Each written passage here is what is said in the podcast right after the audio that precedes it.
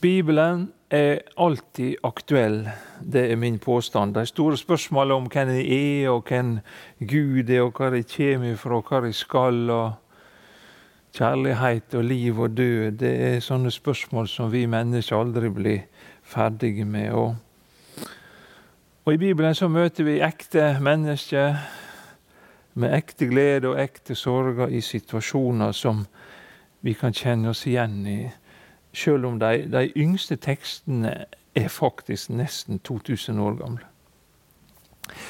Eh, den teksten vi skal lese i dag, kan virke litt uh, underlig for oss i lys av et velorganisert samfunn der mye er på stell. Der vi har lært oss å stole på vitenskapen, og utvikling og framsteg har prega tidene.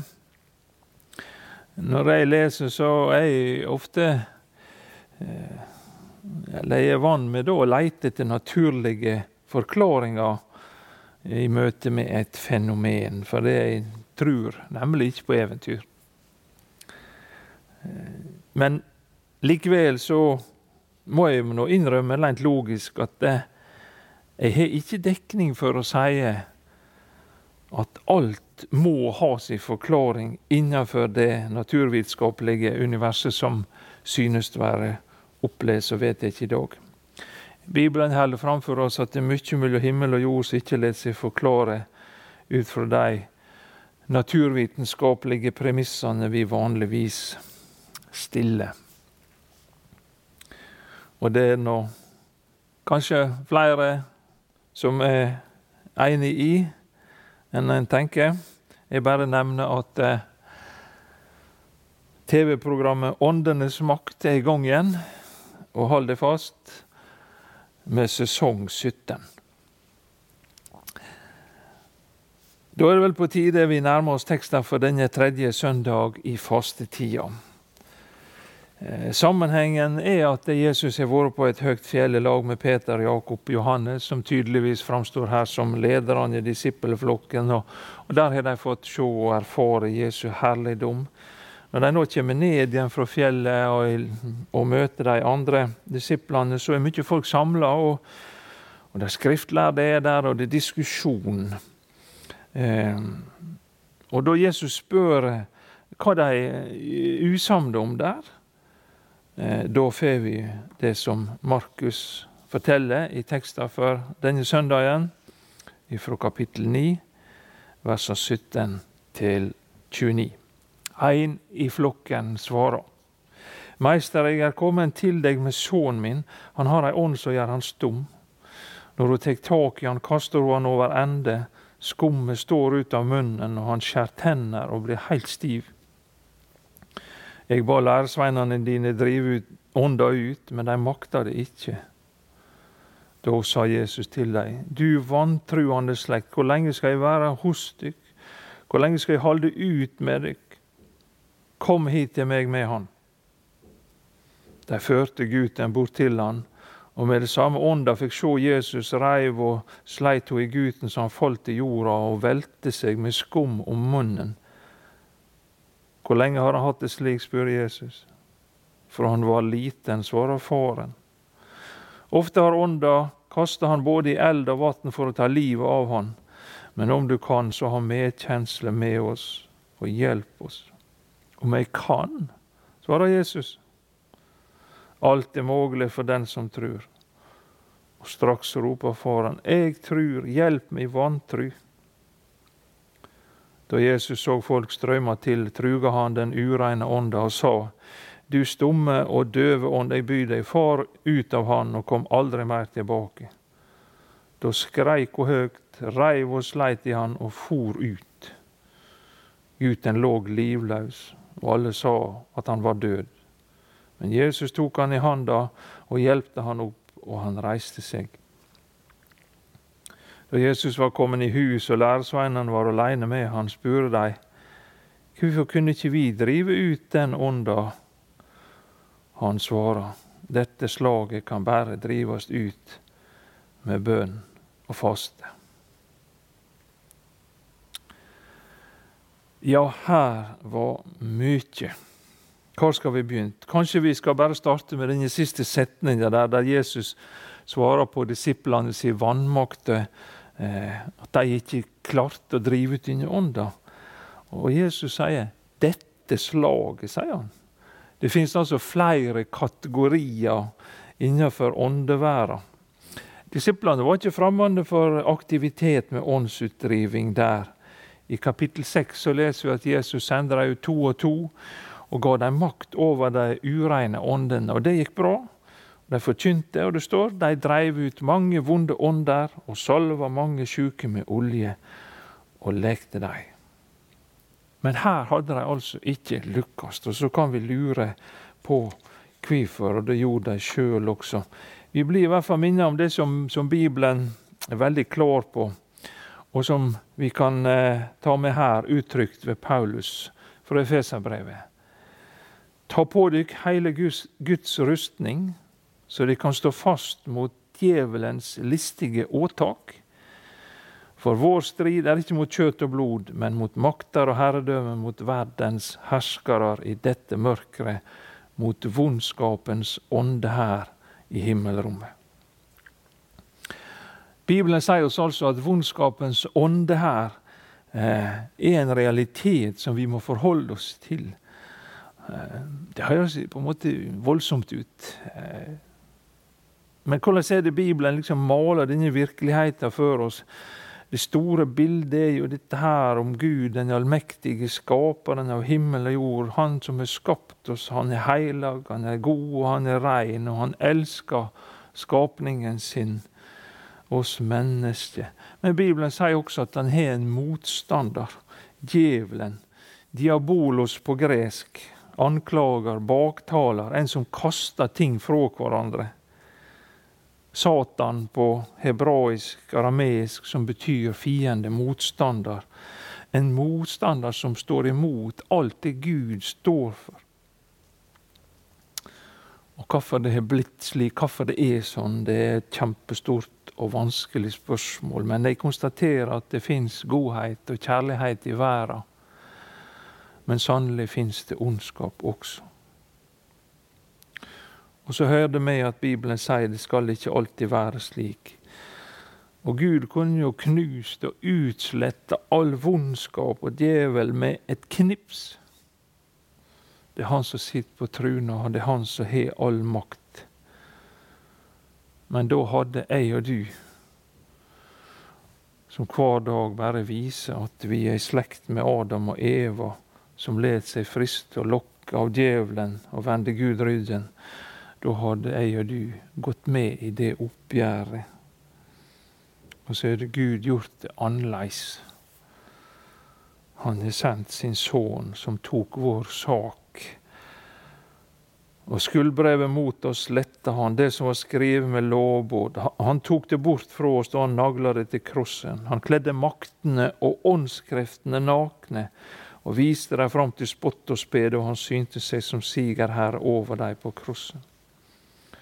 Der var det totale nederlaget for vondskapen, til spott og spe. Ikke bare ble de slegne, men også fråtekne byttet sitt, de og meg, som var fanga av synda. Og med Jesus så har Guds rike kommet nær, med alle de kreftene som tilhører riket. Vi ser også i vår tekst at Jesus kommer med lekedom og berger ifra alt som er vondt og holder fanga. Og så er det bare et tidsspørsmål, egentlig, før dette endelige oppgjøret skal holdes, og Guds rike skal komme fullt og heilt. Herrens dag. Og Så sier Peter det er ikke rett det som vi mener, at Herren er sein med å oppfylle lovnaden. Nei, han har tålmodig med dykk og vil ikke at noen skal gå tapt, men at alle skal nå fram til omvending. Det var det store bildet.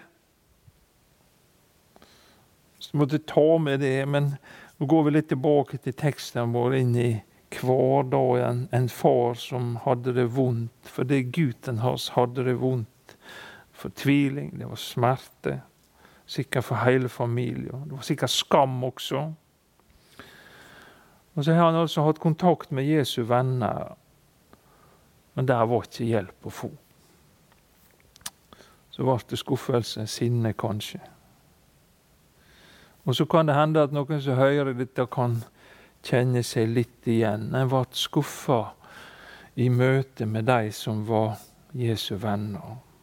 Eller i møte med en kristen som sa eller gjorde noe som såra, eller gjorde noe urett. Dessverre.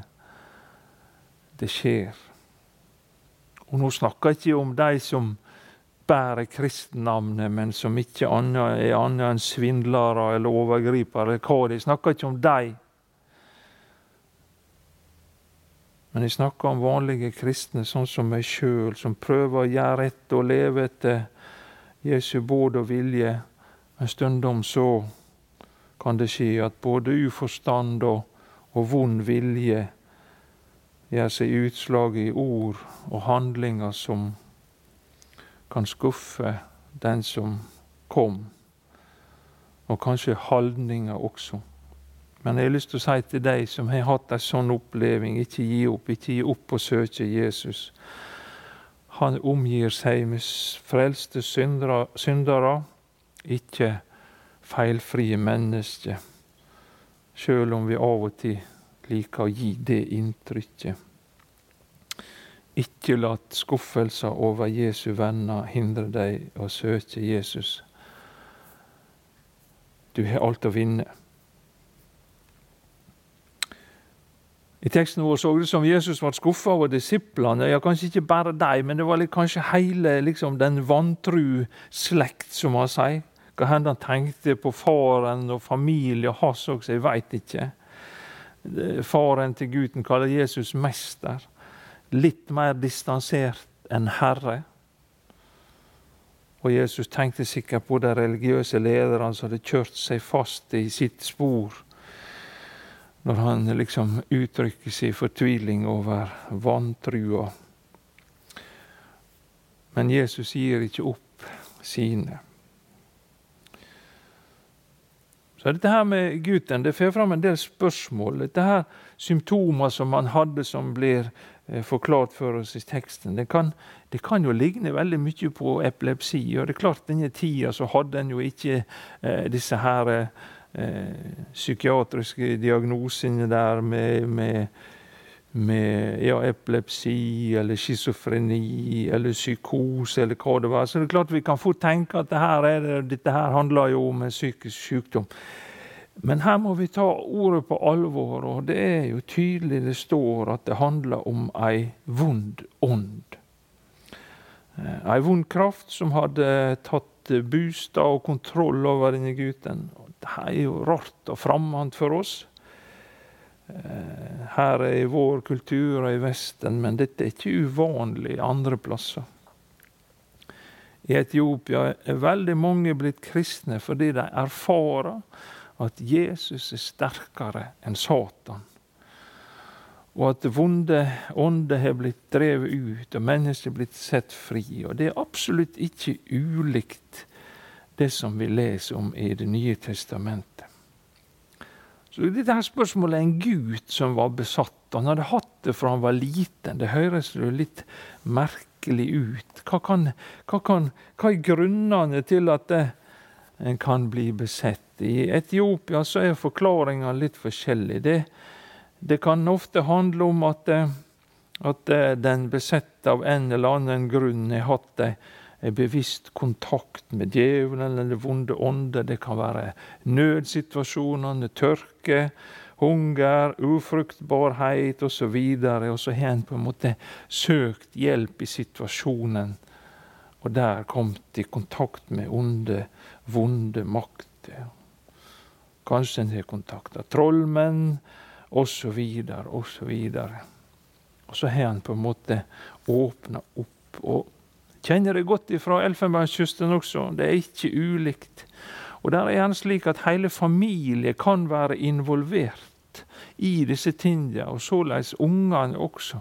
Det kan hende der er foreldre faktisk som har innvia ungene sine, eller lovt eller hatt en slags pakt med vonde makter. Eh, og dermed så åpner han opp for at eh, de vonde kreftene faktisk tar kontroll i unger også. Eh, min gode venn og kollega Johannes Retze forteller meg en oppleving der i Elfenbenskysten i Wanino som ligner mye på dette. Ei dame fikk disse anfallene der. Eh, Rulla seg rundt og reiv og sleit i klede og hår og greier. og og, og oppførte seg eh, helt spesielt. Jeg prøvde å hjelpe, og jeg fikk kontroll på denne dama etter hvert og ba.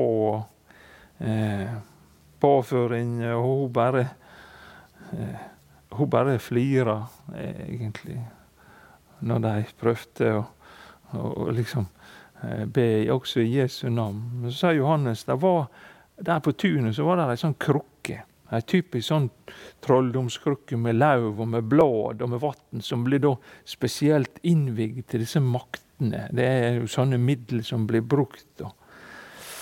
Johannes fortalte at han tok den og knuste den i Jesu navn, og dama ble momentant forandra. Hun hadde ikke noen erindring av at hun hadde oppført seg som hun var gal. Visste ikke noe om det. Men hun måtte nå se på klærne hvordan de så ut, at noe måtte ha skjedd. Det er mange slike erfaringer eh, en gjør seg. Og det ser ut til at der evangeliet går fram i nye områder, der evangeliet krysser nye grenser, da skjer disse tingene her nokså ofte. Og Hvorfor er ikke det slik her med oss, da? Kan han kanskje spørre. Ja, eh, det skjer nok litt forskjellig som ikke vi veit om, men jeg tror det handler om eh, om områder der Jesu navn ikke har vært kjent, der har Satan rått grunnen alene og kunne gjort som han ville. Så jeg nettopp las om en slags klan i en del av, av Libya som hadde tatt kontroll over et område og terroriserte folket noe helt forferdelig. Det var grusomt.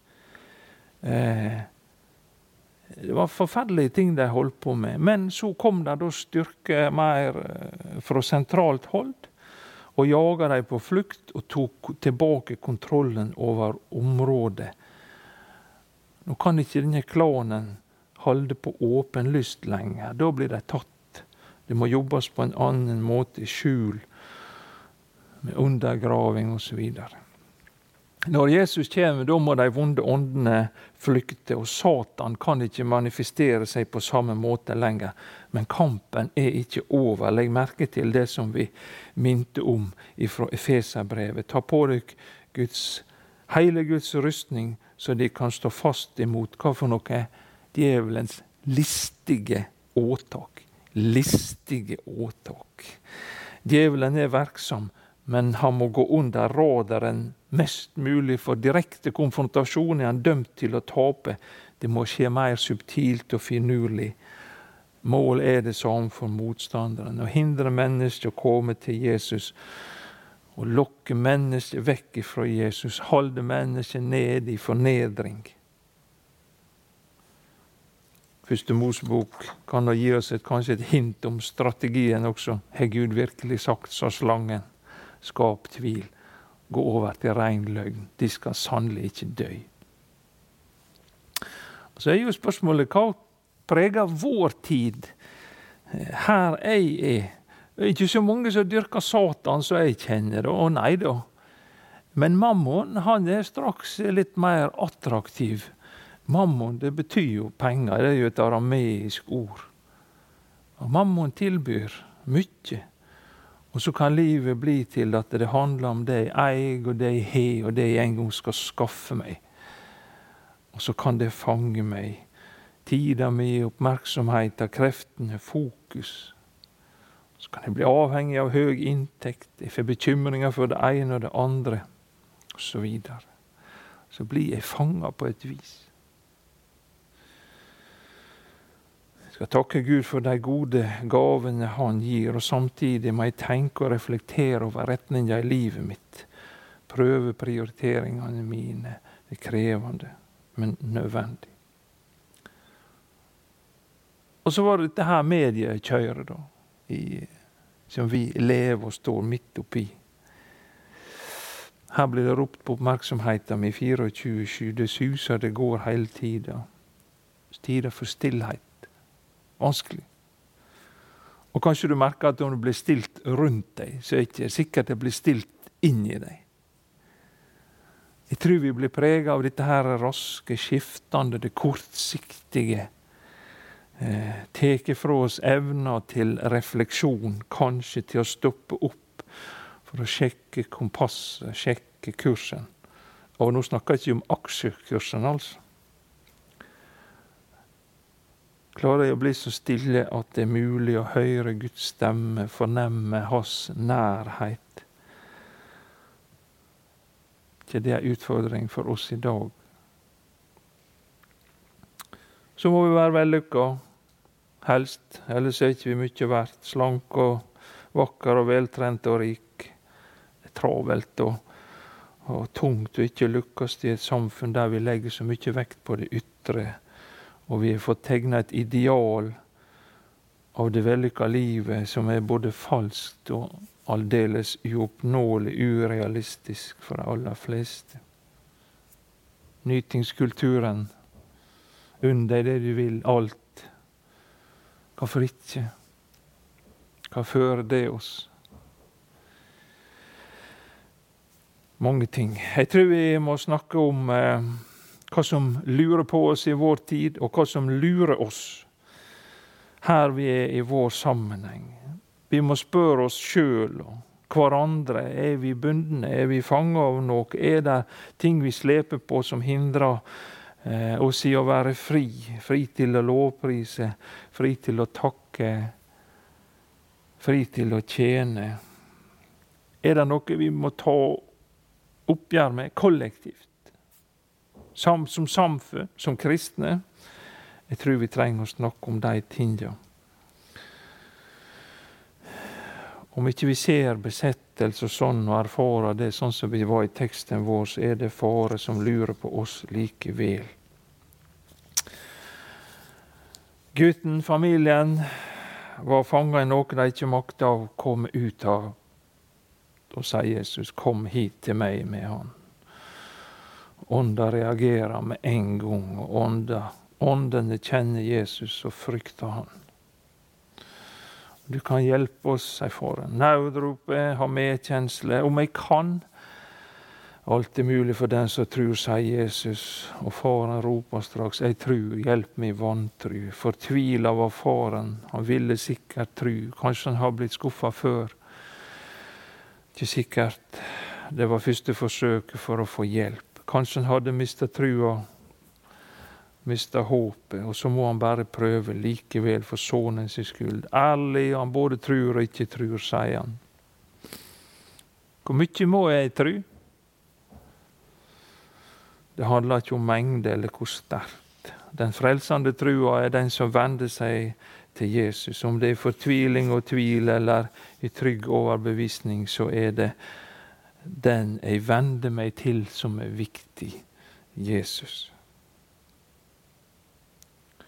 Alle de som Far gjev meg, kjem til meg, og den som kjem til meg, skal jeg så visst ikke vise bort. For det vil Far min, sa Jesus, at hver den som ser Sønnen og tror på Han, skal ha evig liv, og jeg skal reise Han opp på den siste dagen. Åndene de frykter Jesus i dag også. Det er trygt å tilhøre Han. Frykt ikke. Men vi må være realistiske og søke å avsløre hvordan motstanderen jobber også der vi fær. For som Jesus sier, tjuven kjem bare for å stjele, drepe og ødelegge. Jeg er kommet for at de skal ha liv og overflod. Amen.